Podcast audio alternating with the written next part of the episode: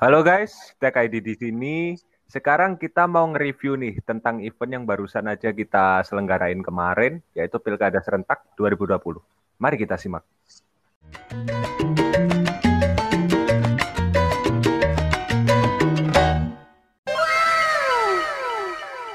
Halo, selamat malam teman-teman semuanya.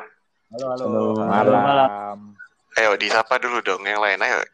Malam-malam. Malam. Malam, Malam, kakak. sobat ID. Malam sobat gadgetin. Loh, salah channel mas. Eh. Sorry.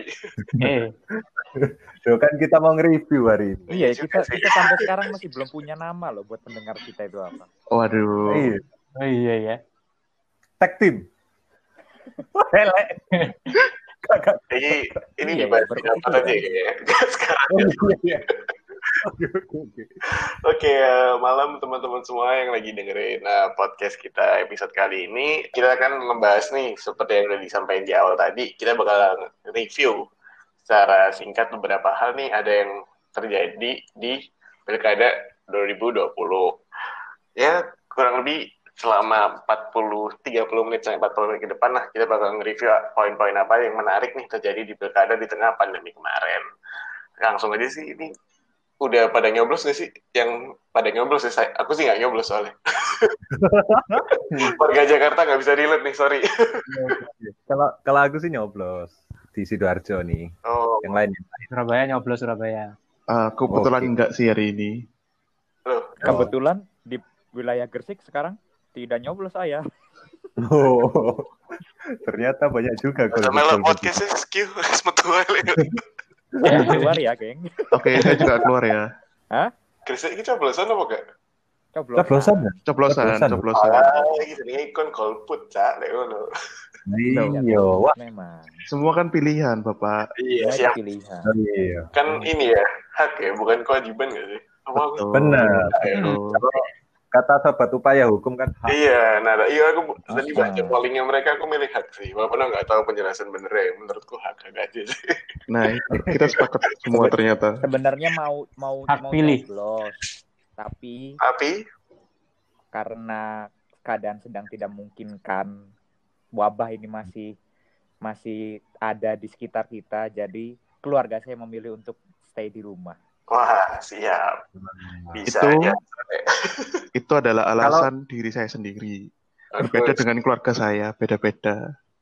kita Nah, butuh pembenaran untuk setiap hal yang kita lakukan ini kan emang lagi spesial banget ya lagi di tengah covid nih. Ada apa aja sih emang? Nah. Ini tadi ada yang tahu nggak sehari ini? Ini sebenarnya nyambung juga sih sama yang tadi eh, diomongin sama Hasmi sama Ragyu. Jadi eh, kalau di TPS area aku sendiri itu banyak banget orang yang golput. Jadi tadi itu yang datang dari sem- eh, total apa namanya DPT ya? Hmm. Itu cuman, iya bener gak sih DPT? Iya, bener. Iya, betul, betul.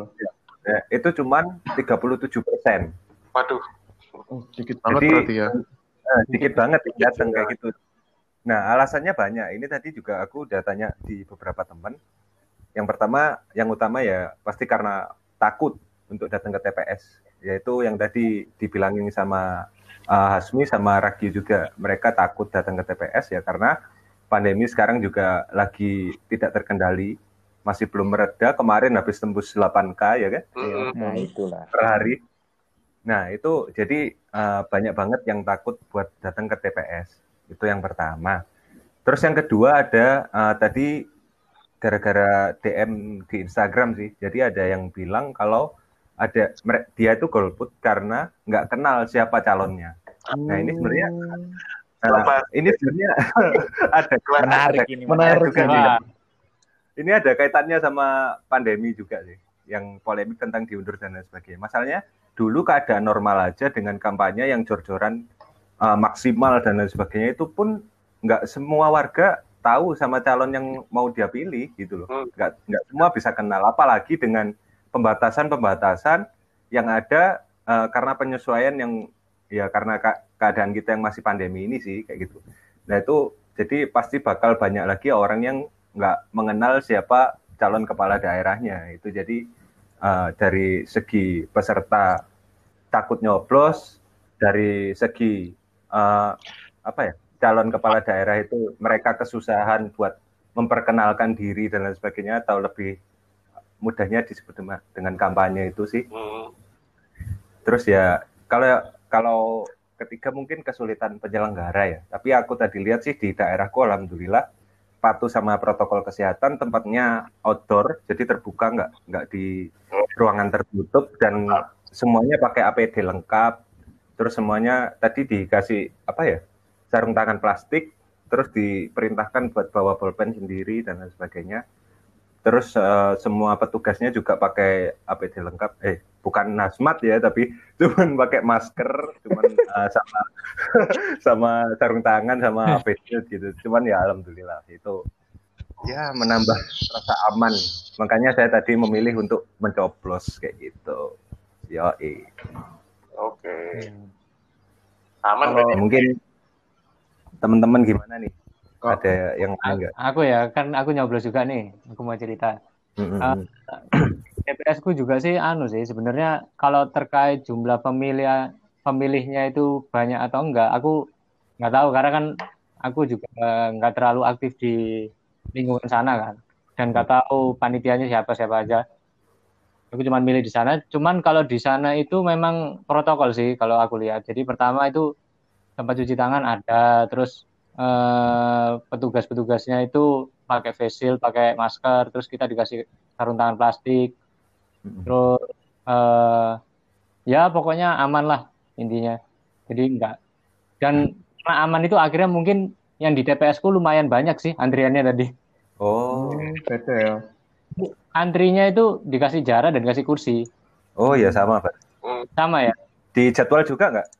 Iya di jadwal ada jam-jamnya aku Iya, kebagian jam 9 Nah, ini nih yang buat aku nggak ikut nih aslinya. kenapa kenapa kenapa Jadi kemarin kan aku dapat uh, undangan ya. Nah, di undangan itu nggak ada jamnya, cuma tulisan jam 7 sampai jam 1.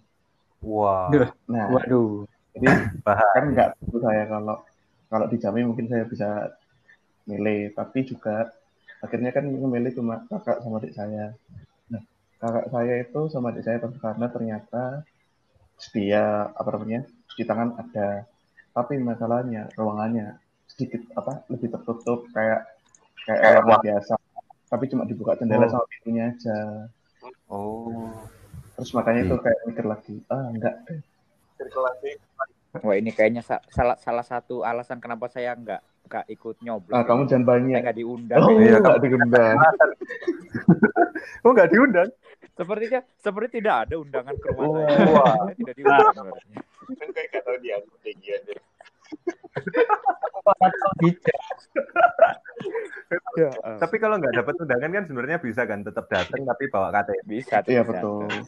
iya Macam orang penting kan gitu. Oh, iya. Iya ini. Terus nih ya, Terus terus. Kan karena tidak diundang saya merasa nanti tamu tidak diundang ke TPS. Waduh. Sosokan gue. Dari yang tak dengerin tadi TPS-nya aman semua gak sih berarti? Kalau yang di kalian sih tapi ya. Iya. ya ada yang iya, ada yang enggak ya berarti. ada iya dan enggak Kalau di berita di beberapa ada yang enggak ya tapi ya. Atau Iya. Oh iya. Ini ya, kalau aku lihat di uh, berita-berita, Hah? kalau di Badan Pengawas Pemilu itu sebenarnya ya kaget juga sini. Jadi ada berita kalau Bawaslu itu menyatakan kalau ada petugas KPPS, kelompok penyelenggara pemungutan suara yang positif COVID-19 itu masih hadir di TPS-nya sendiri itu sebanyak 1.172 orang. seperti waduh itu tadi. Itu dari laporannya itu dapat dari sistem pengawasan pemilu. Jadi di Siwan itu dari laporannya itu 100.995 sampai jam satu tadi satu atau setengah duaan.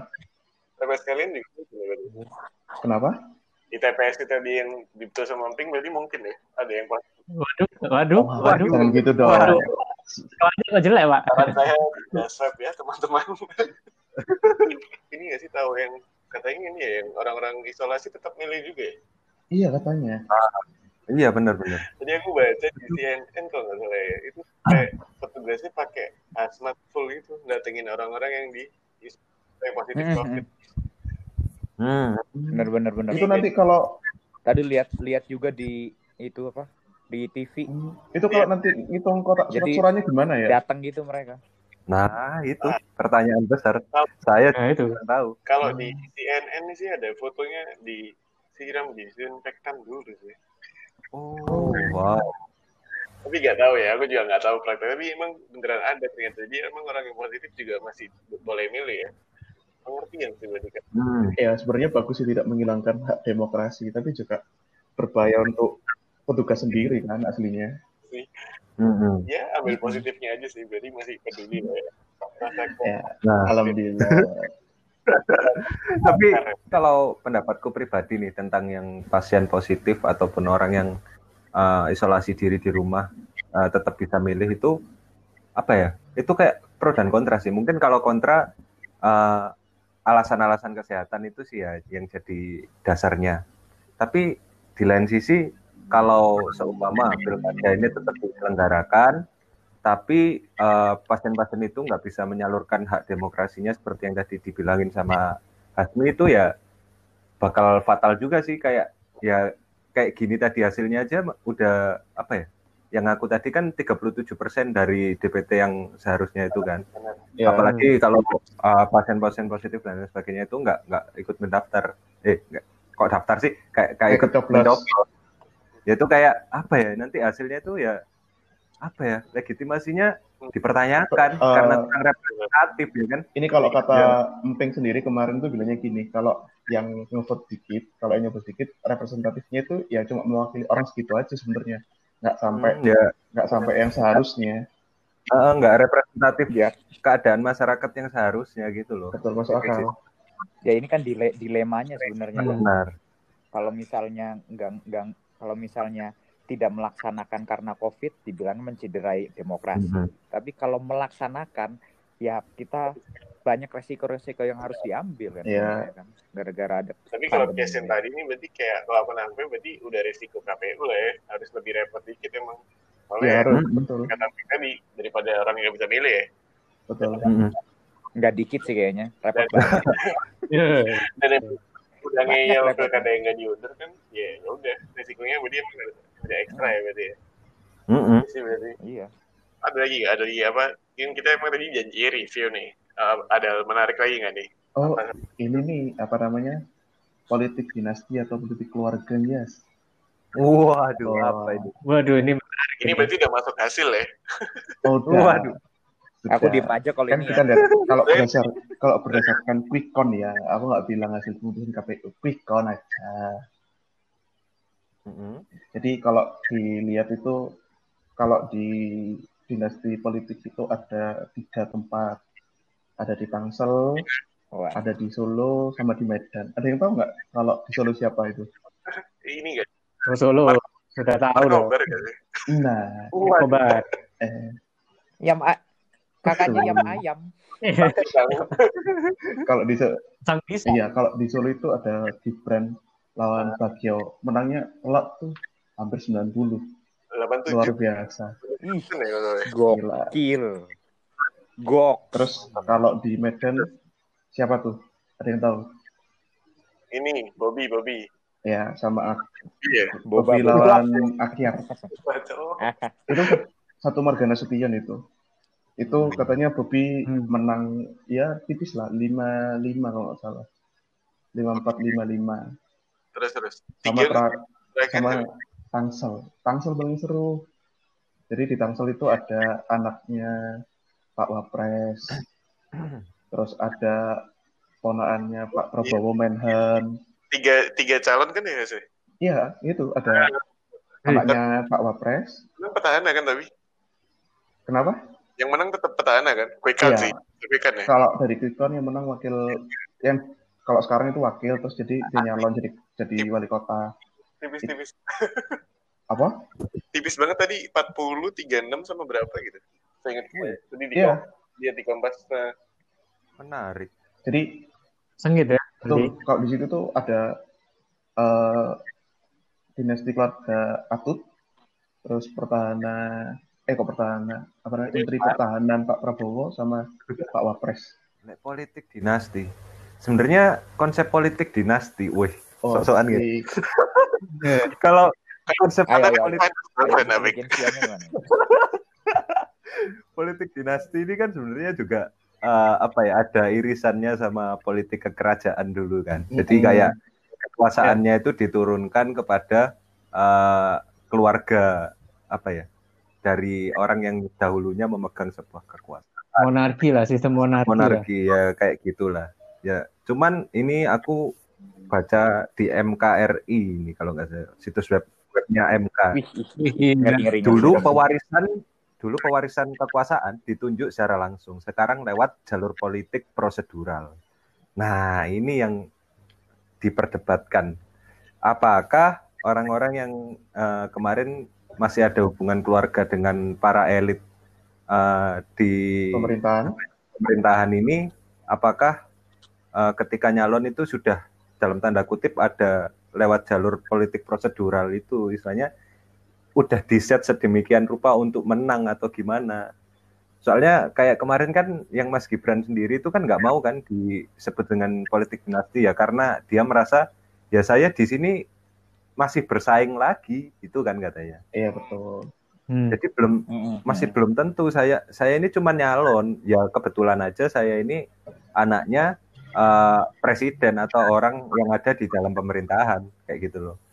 Jadi kalau itu aku masih belum bisa langsung langsung nyebut ketika mereka nyalon dan lain sebagainya itu itu politik dinasti dan lain sebagainya. Kayaknya perlu ada kajian lebih dalam juga lihat gimana dia prosedur dalam pencalonannya lah atau atau Hmm. mungkin dalam pemilihannya kayak gimana lah. Itu mungkin perlu dikaji lagi. Hmm, gimana? Kalau kalau dari pendapatku sendiri ya kalau aku kan tadi lihat eh, di Kompas tentang Kompas Rossi. Ya kan? Wah. Sobat jadi in, betul sobat Rossi. Sama lihat-lihat Aiman dikit-dikit. Oh iya. Jadi kalau dinasti politik itu sebenarnya kalau di Indonesia itu dimungkinkan ya kan? Pokoknya kalau dilihatnya kalau di dalam pentas demokrasi yang udah voting kayak gini itu yang dilihat itu katanya itu persoalannya itu cuma dua ada pilihan sama arena kompetisi. Wih, jadi gimana kalau yang dimasuk itu gini loh kalau kita disuguhkan cuma satu satu orang aja dan itu emang dari misalnya contoh ya misal misal ini saudara Gibran tapi tidak ada lawan. Oh. Nah itu itu bisa dibilang politik dinasti. Mhm. itu secara pilihan. Tapi kok secara arena kompetisi saudara Gibran ini masih masuk di dalam politik dinasti. Kenapa karena emang benar udah dikasih pilihan ya kan? Ada saudara Gibran versus Bagja. Tapi yang punya sumber daya politik itu paling besar. Secara arena kompetisi kan cuma saudara Gibran. Soalnya semua partai politik diambil Gibran. Sedangkan saudara Bagja Hmm. independen. Jadi kalau dari sudut pandang mereka kalau aku lihat di Rossi yaitu yang dilihat dua itu. Jadi kalau secara nggak langsung ya bisa dibilang asik. Kalau kata mereka kalau kataku sendiri sih selama selama sebenarnya menurut menurut orang-orang juga politik dinasti itu ada buruk ada baiknya juga. Kalau kita lihat di US politik dinasti itu nggak buruk loh. Bahkan di beberapa negara itu juga dianggap sebagai politik mentor. Jadi kayak oh kita diajari dari atas seperti itu malah dididik dari kecil. Oh. beda negara beda pendapat kan. Kalau biar ngerti selanya gitu ya. Iya betul tapi ya misalnya tadi yang mungkin tau nggak like yang terakhir ya kalau yang politik mentor tuh ya maksudnya kayak kalau usah jauh-jauh lihat negara lah ya maksudnya di organisasi pun juga kalau misalnya ada yang kayak istilahnya kayak pakai politik mentor gitu kan kayak apa yang diajarkan dari atas ke bawah tuh jadi lebih dapet gitu kan. Mhm. harusnya. kualitasnya harusnya bisa terjaga seharusnya kan bisa gitu. Jadi kayak sebenarnya sih menurutku kalau dilihat dari sudut pandang seperti itu sebenarnya nggak ada masalah sih itu jadi kayak Hmm. ini intinya kayak selama tidak apa ya si orang yang emang mencalonkan nih juga nggak melakukan hal-hal yang curang gitu. Gimana ya? Betul. Jadi kayak Yep, betul betul betul. Mengikuti prosedur yang ada. Jadi, Hmm. ya ya mungkin kalau tadi yang siapa? Mas Gibran ya yang Gibran bilang katanya ya kebetulan saya jadi anaknya presiden gitu. Ya ya benar juga sih. Kayak betul itu siapa yang bisa ngelawan gitu masa kita mau milih gitu kita dilahirin sama siapa kayak Hmm. terlanjur Siapa? dilahirin sama yang orang kebetulan jadi presiden ya ya bukan berarti dia berarti nggak bisa meneruskan cuma karena nanti dipandang sebagai suatu politik dinasti gitu nggak sih Jadi benar. Hmm. Jadi Nah, kalau kata orang-orang sih trah. Trah itu nama apa ya? Nama besar keluarga. Hmm. Nah, Iya itu sih sebenarnya faktor-faktor utamanya itu nama besar bapaknya Betul. itu sebenarnya. nah kalau dari Kalau kalau dari mentoring sih aku setuju-setuju aja karena kan kalau mentoring itu bagaimana kita eh, mengajarkan penerus kita itu prestasi-prestasi kita itu kan dilanjutkan oleh mereka gitu kan. Nah, kalau misalkan yang dimaknai bukan mentoring tapi lebih ke kayak hanya mempertahankan kekuasaan saja atau eh, melanjutkan ke keluarga-keluarga doang untuk untuk eh, dalam kasarannya apa ya memonopoli lah woi, itu aku kurang Iya. setuju. Monopoli kekuasaan Iya, kurang setuju sih. Tanpa tanpa diajari eh, prestasi-prestasi yang Iya, dilanjutkan. Tergantung niat juga. Kalau istilah itu lanjut. Iya, jadi sebenarnya tuh ya balik lagi kan kalau kita emang udah dasarnya udah punya pra keluarga ya lihat lagi ke kualitas. Nah, tapi mungkin ini ini sih apa namanya? Ini relate juga sama tadi yang poin yang disampaikan Pink di awal tuh yang Pink bilang apa? Nggak tahu calonnya. Oh anjay. Itu Oh iya, iya. balik balik balik ke situ balik ke situ. balik Ulang Iya, jas. bisa bisa ngaitin di situ lagi sih. Jadi kayak kalau kita emang nggak tahu sama calonnya, pasti kan kita juga cuma taunya berdasarkan apa ya? Istilahnya ngikut arus. Nah, kita ngikut nama yang paling famous nih, yang paling apa? Orang-orang sering berbincangkan deh. Sekarang kalau misalnya Iya, Bener. yang diingatnya paling banyak. yang benar-benar kayak semua orang kenal, pasti kan ngikut arus aja kan. Jadi itu apa ya? Iya. eh, balik lagi kalau masalah kualitas, kalau yang milih nggak tahu kualitas aslinya seperti apa, maksudnya nggak nggak ada apa ya? Belum begitu effort buat nyari tahu nih, ini orang sebenarnya kualitas asli gimana sih? Kalau dia anaknya presiden, kayak anaknya siapa, kayak mau dia apa? Kalau dia nggak tahu kualitasnya, ya politik dinastinya tuh jadi emang kelihatan jelek sih. Iya nggak sih, Re? Bener nggak sih? Iya, iya, benar. Betul. Ya ini sebenarnya juga jadi PR Mm-mm. dalam sistem politik kita sih. Dalam artian eh, ya karena minimnya, ini pendapat pribadi ya. Kalau menurutku itu ya gini ini yang pertama itu disebabkan karena minimnya eh, kualitas yang benar-benar menonjol dari suatu calon sih. Akhirnya partai politik itu melihat ke dalam tanda kutip kefamousan anak dari apa ya anak dari orang pemerintahan dan lain sebagainya itu ya eh, sebagai sebuah peluang buat ya karena mereka punya nama yang bisa dijual gitu loh ke masyarakat. Soalnya ya gimana lagi ya namanya politik kan waktu kampanye dan lain sebagainya kalau apa ya kalau masyarakat bener nggak tahu orang ini siapa itu kan ya pasti nggak dipilih juga ya makanya kayak anak-anaknya pejabat ini di apa ya di, dicalonkan sama partai politik itu ya ya itu peluang buat mereka kayak gitu sih Iya, sih kalau sebenarnya. menurutku Mm-mm. Jadi sebenarnya ya, kalau dulu itu di Undang-Undang Pilkada lama, itu aslinya kalau aku keluarga aku keluarga pertahanan nih misalnya kalau ayahku wali kota atau gubernur terus aku nyalon itu nggak boleh. Oh, Tapi di batalin sama MA. MA atau MK tuh? MK. Jadi di- itu dibatalin. MK. Nah, jadi sebenarnya itu isu lama, isu bukan lama ya, isu berkelanjut sebenarnya ini tuh. hmm. Jadi balik lagi, Hmm. menurut kalian sendiri tuh nanti pasti berlanjut ke depan lah. Kalau emang udah diatur tapi dibatalin kan, ya ya udah mau gimana lagi. Iya. Intinya kan Hmm. kita harus lihat dari kualitas. Benar. Indian ya itu sih ya mereka walaupun anak pejabat pun mereka juga punya hak untuk dipilih dan untuk hak untuk eh Mencalonkan diri, turut, turut serta dalam pemerintahan. Wih, betul. iya iya Iku kan? Heeh. Turut serta dalam Nah, kontestasi politik. Nah, Nah, mereka kan dibatalkan MK. Menarik, menarik. mereka juga punya hak itu. Cuman eh, sebenarnya sih kalau pendapat pendapatku pribadi yang tadi di mention Hasmi tentang ketika orang tuanya masih menjabat anaknya nggak boleh itu itu lebih ke etik sih kayak gak pantas gitu loh kalau dilihat orang masih apa menjabat secara aktif terus eh, tiba-tiba nyalon gitu kalau aku sih lihatnya gitu. Harusnya Iya, Wak. ya seenggaknya nunggu nunggu orang tuanya turun dulu lah.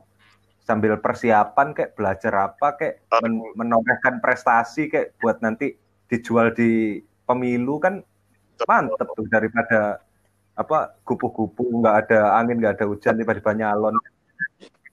Tapi kayaknya kalau ngomongin etik gitu kayaknya Aduh. aduh. Kan ada juga dulu itu di berita apa kepala daerah terus kepala desanya istrinya Ya, sendiri terus apanya an- apa masih kerabatnya itu iya Iya. banyak juga yang gitu Jadi tataran desa itu udah gitu, juga ya kan? mungkin ini sih Heeh. kalau nangkepin dari laki juga kenapa sih kok sampai ramai kayak apa istilahnya kayak orang kan mempermasalahkan politik dinasti tuh ya balik lagi masalahnya pada prakteknya selama ini emang banyak yang menyalahgunakan juga gitu Hmm. jadi tadi kayak contoh kayak Raki Mm. misal si suaminya jadi ini terus istrinya diangkat jadi ini anaknya diangkat jadi ini. Itu kan emang apa ya itu sebenarnya nggak etis tapi masalahnya di Indonesia tuh udah sering terjadi kayak gitu kan dan itu nggak cuma di satu atau dua tempat aja. Nah itu Hmm. sebenarnya yang bikin apa ya image dinasti politik ini terus ditambah dengan bumbu-bumbu yang ada di eh, media itu kayak makin orang-orang jadi kayak semakin mempermasalahkan gitu. Jadi ini jadi masalah yang Hmm. pelik banget kayak ah nggak boleh nih dia kan anaknya ini nanti jadi gini jadi gini. Padahal ya sebenarnya dari awal yang bikin gitu tuh ya orang-orang yang dahulunya udah pernah ngelakuin itu. Jadi Hmm. kalau misalnya kita sekarang masih berkutat di sini ya eh, balik lagi sih. Kita ini nggak sih yang harus sadar ya di waktu milih? Benar benar. Betul. Iya di situ sih. Benar, iya nggak sih intinya di sampai ini tuh ngingetin Gimana sama lagunya Gimana? Iwan Fals nggak sih sebenarnya? Yang mana tuh? yang wakil rak wakil rakyat Ya, nyanyiin dong, nyanyi. orang hebat. Bukan kumpulan teman-teman dekat Aku apalagi familia kan? Aduh. dari em berarti kan itu lagu udah lama banget. Berarti kan emang berarti kan emang kayak politik kekeluargaan Memang. dari dulu. Ya ini sebagai review aja sih. Istilahnya ternyata isu yang masa lalu Ah, ah, ah. apa udah diramein sampai sekarang pun masih ada dan masih membudaya. Berarti yang penting tuh sebenarnya kalau politikus sekarang kita itu sebenarnya udah pinter-pinter kan sebenarnya. Mas undang-undang udah keren, bahasa apa udah keren, tapi etikanya mungkin ya yang kurang baik. hmm, benar Hmm. makanya kuliah di UNER excellent with morality Pasti. Pasti, pasti. ah, ah, ah, di Universitas Airlangga. Nah, itu bukan dari UNER ya teman-teman. Iya tuh. ngomong-ngomong tentang isu-isu masa lalu yang se- sampai sekarang masih ada. Ternyata politik identitas yang kemarin rame-rame sejak zaman 2014 mungkin ya atau sejak zamannya Pak Ahok itu sampai sekarang masih rame loh di pilkada serentak ini. Aduh, Agama. bosen bosen. Lah lah lah lah Contoh, contoh, Sumpah, contohnya jadi, gimana Jadi tuh? ya ini tadi kebetulan eh, lihat di sebuah media sosialnya kerabat. Di IG Itu- kan? Oh ya saya nggak sebut lah. eh, step itu Eh, jadi Jangan. dia itu eh, ngefoto hasil quick count gitu. Jadi eh, calon yang dijagokan sama dia itu masih apa ya kalah gitu loh di quick count. Terus habis itu captionnya dia itu bilang Bismillah Allah Maha membolak-balikkan hasil. Terus habis itu semoga semoga Islam jaya. Lu. Eh? Padahal padahal padahal di Loh, wilayahnya loh, itu loh, loh, loh. calon kepala daerahnya itu sama-sama Islam gitu loh. Saya kan juga bingung tuh. Gimana ini? Gimana? Gimana? Kalau- Apakah apakah calon yang satu itu lebih Islam dari yang Islam yang satunya? Apa gimana? Saya saya bingung aja sih. Kayak apa ya?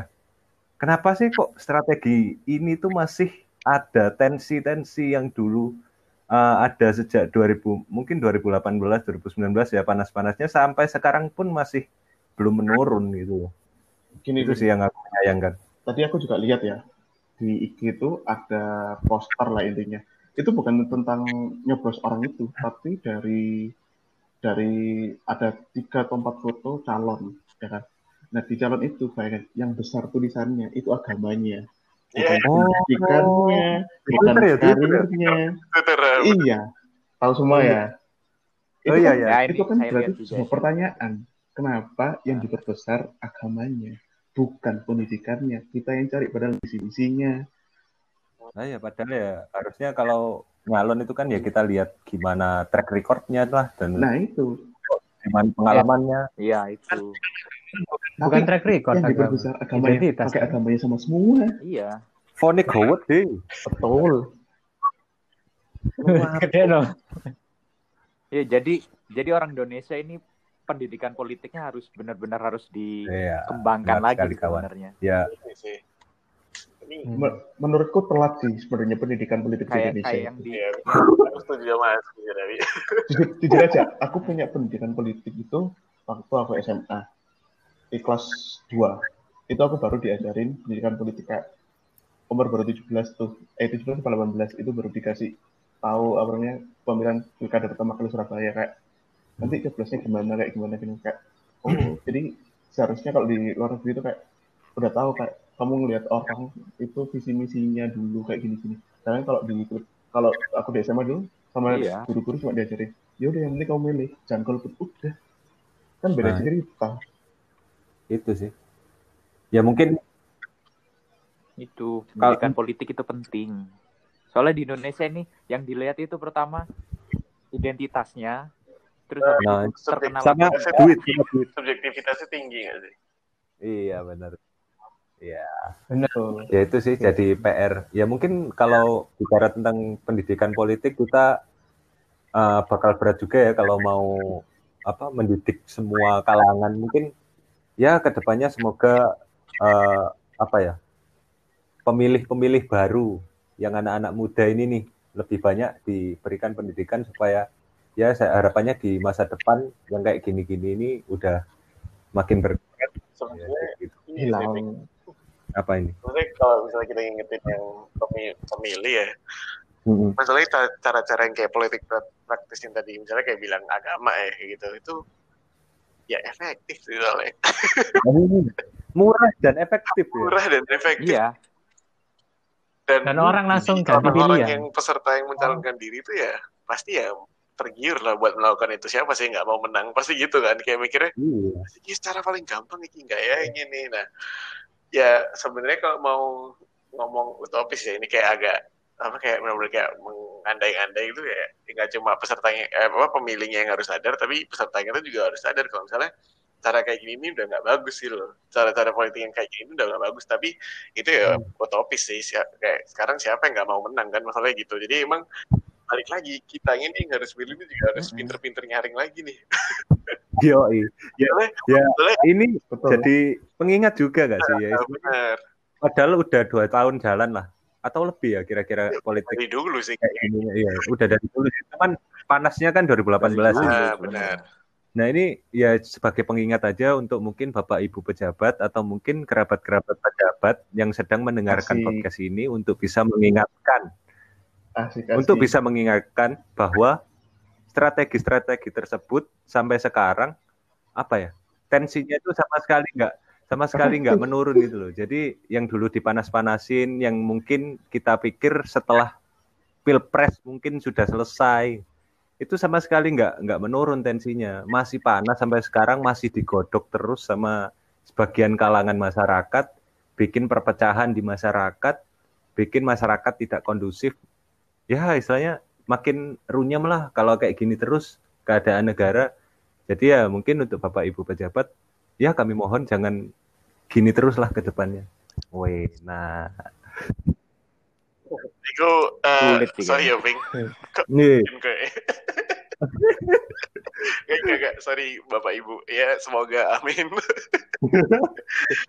ya wis lah, eh, tapi berarti itu sih mungkin Sulit harus diingat juga kayak ya kita juga nggak bisa gitu loh ngeharap eh, orang-orang itu bakal ngakuin hal itu kan kayak yang tadi udah disampaikan panjang lebar sama Ping. Jadi mau nggak mau ya kita ini kita yang harus juga harus apa? Heeh. eh, istilahnya kayak belajar lah ini kayak udah beberapa kali juga terjadi sampai sekarang juga di tengah kondisi covid yang kayak gini aja itu masih ternyata orang-orang masih tetap eh, anyways for ya yang penting menang lah ya yang penting menang gitu. Jadi kayak benar-benar kita ini sebagai pemilih kayak ya udah kita harus eh, kita nggak boleh antipati juga. Kita juga nggak boleh diem kayak mungkin setelah teman-teman dengerin podcast ini jadinya kayak aduh ya juga ya lah ini lah ya. Parah sih berarti. Paham gak sih maksudnya? Jadi kayak atau teman-teman tuh malah kayak jadi makin lost respect gitu loh.